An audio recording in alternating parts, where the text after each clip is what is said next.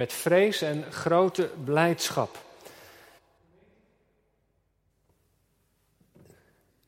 Gemeente van Jezus Christus, broeders en zusters, jongens en meisjes.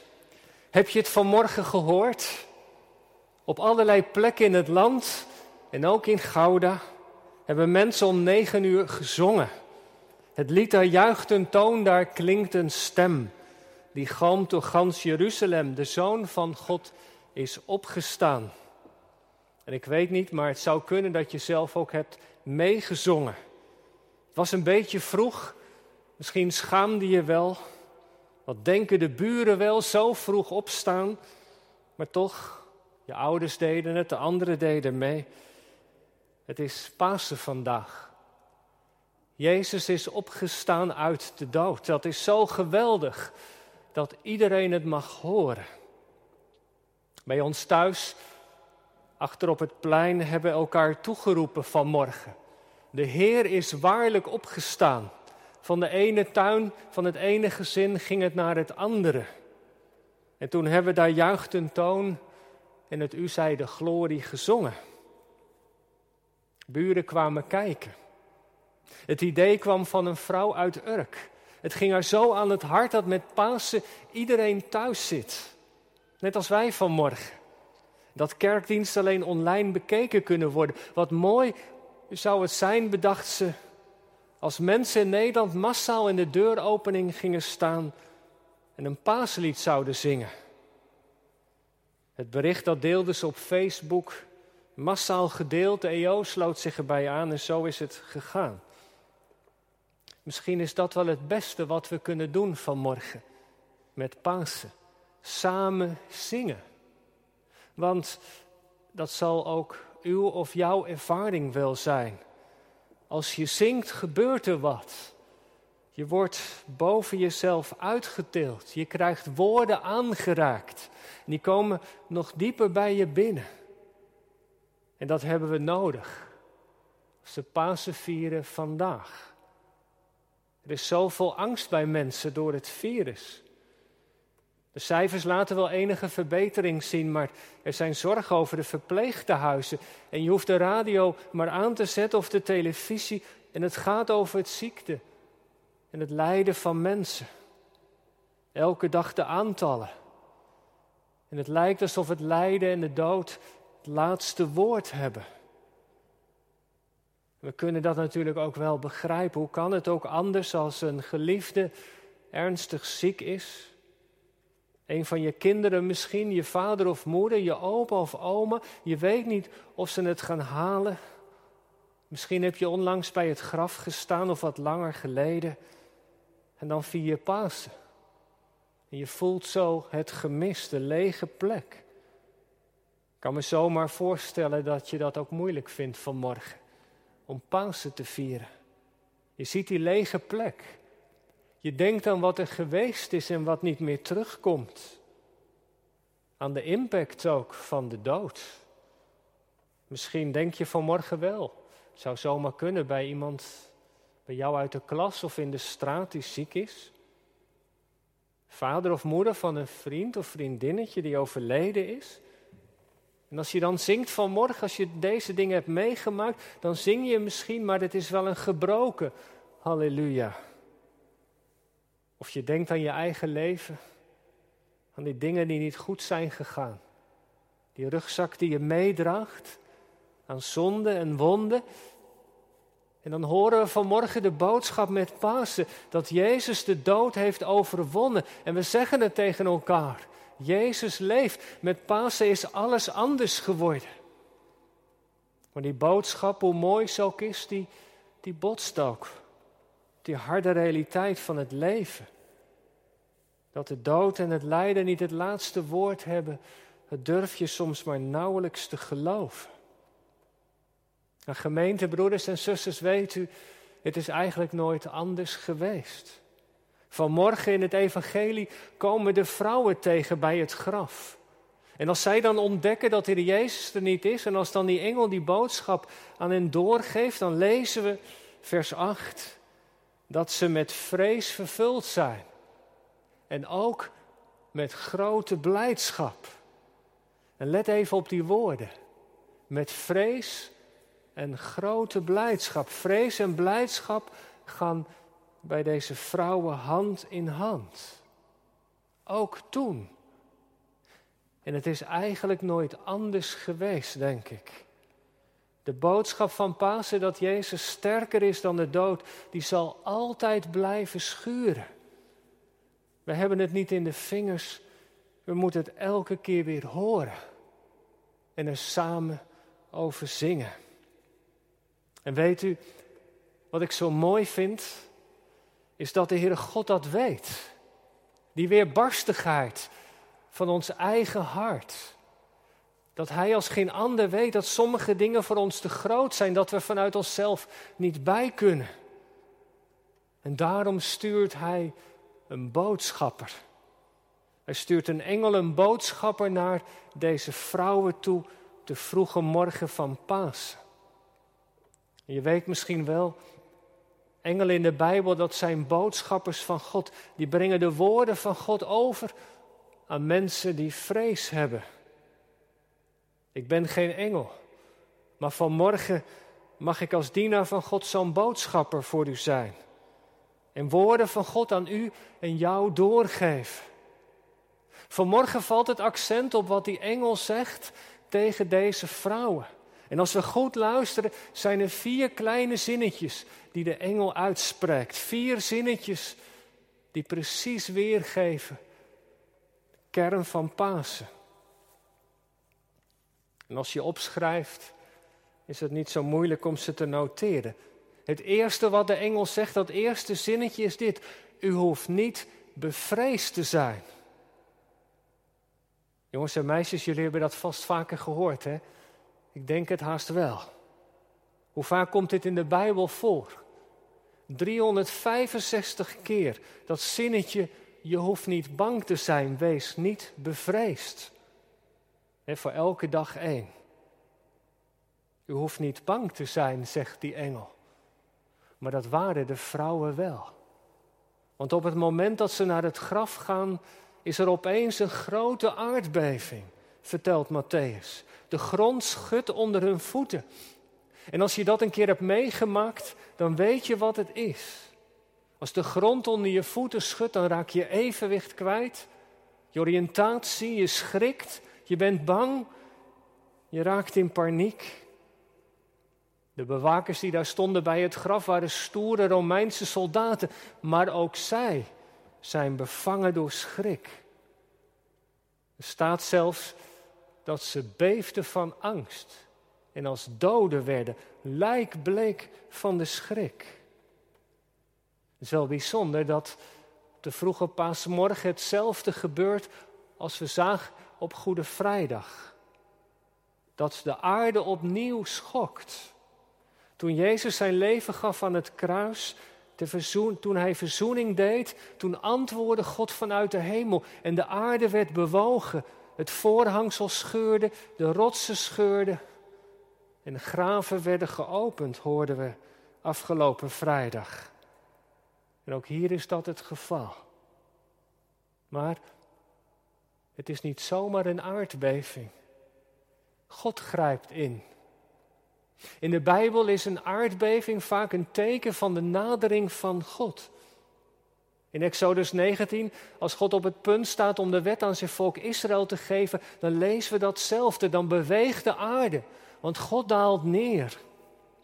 Of later in het boek Koningen, als God zich bekend maakt aan Elia, dan is daar ook eerst een aardbeving. Tekent de nadering van God. En zo is het op de paasmorgen. God grijpt in. En hij stuurt een engel. En die engel rolt de steen weg en begint tot de vrouwen daar te spreken. En het is bijzonder, hè? dat eerste woord wat de engel spreekt is: Je hoeft niet bevreesd te zijn. En eigenlijk is dat altijd weer de ervaring. Als God ingrijpt, als Hij spreekt of handelt, dat er bij ons vrees is, ontzag. En misschien herkent u dat wel, of jij uit je eigen leven. Ontzag.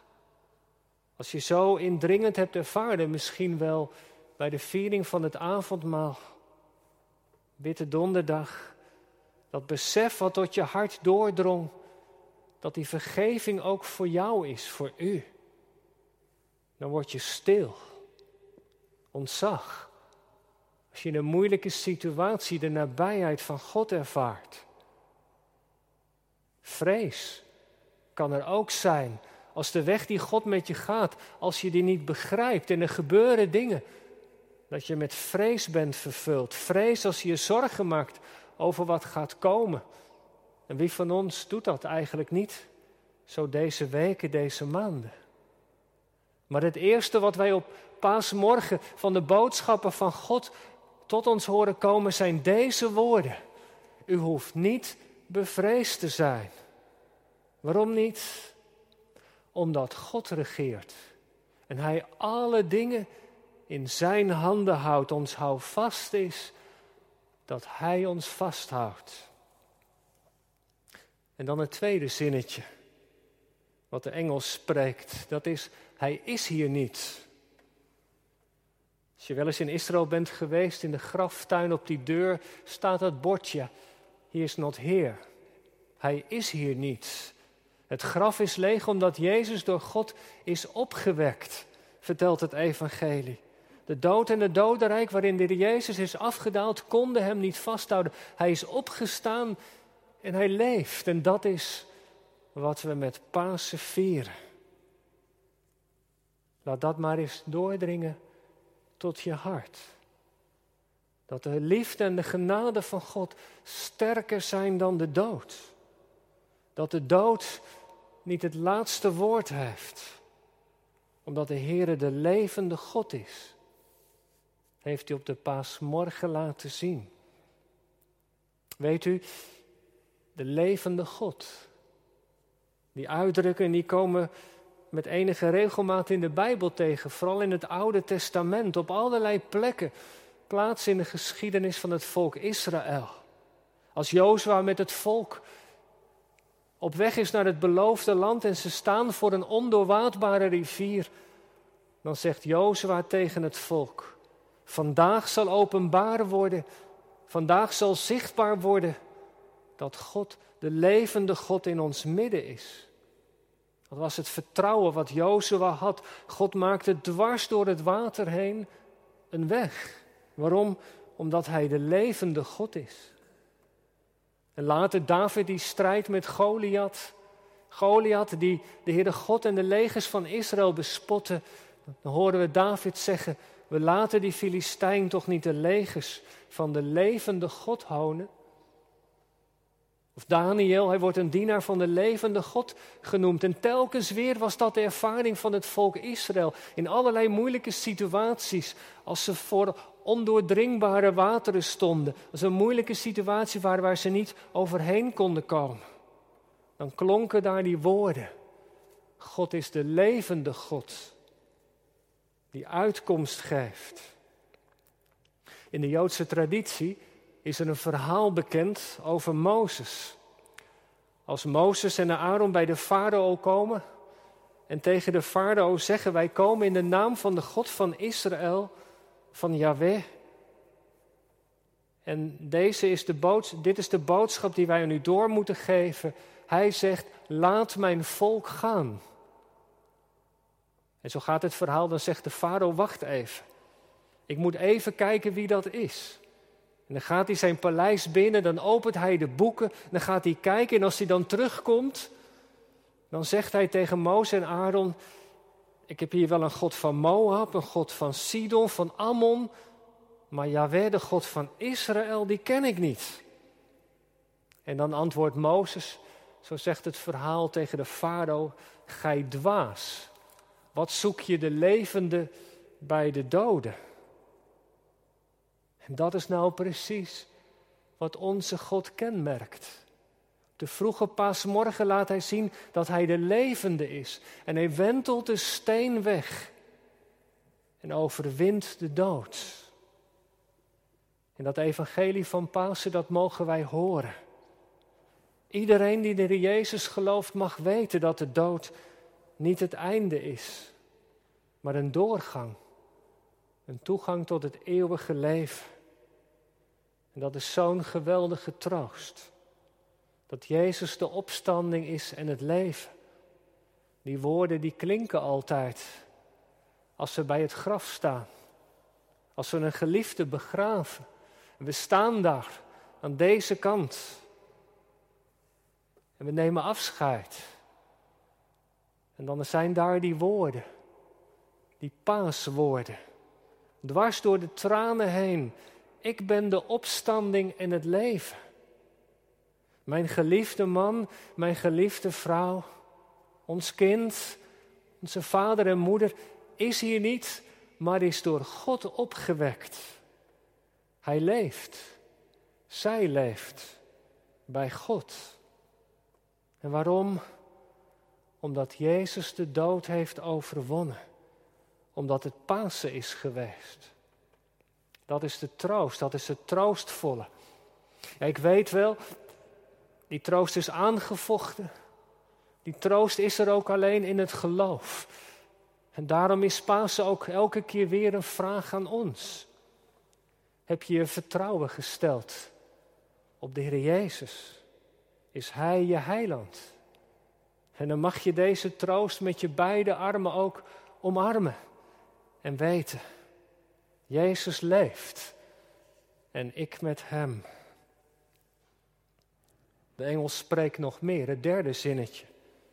Hij zegt tegen de vrouwen: Kom en zie. Ze derde. Ook dat is belangrijk.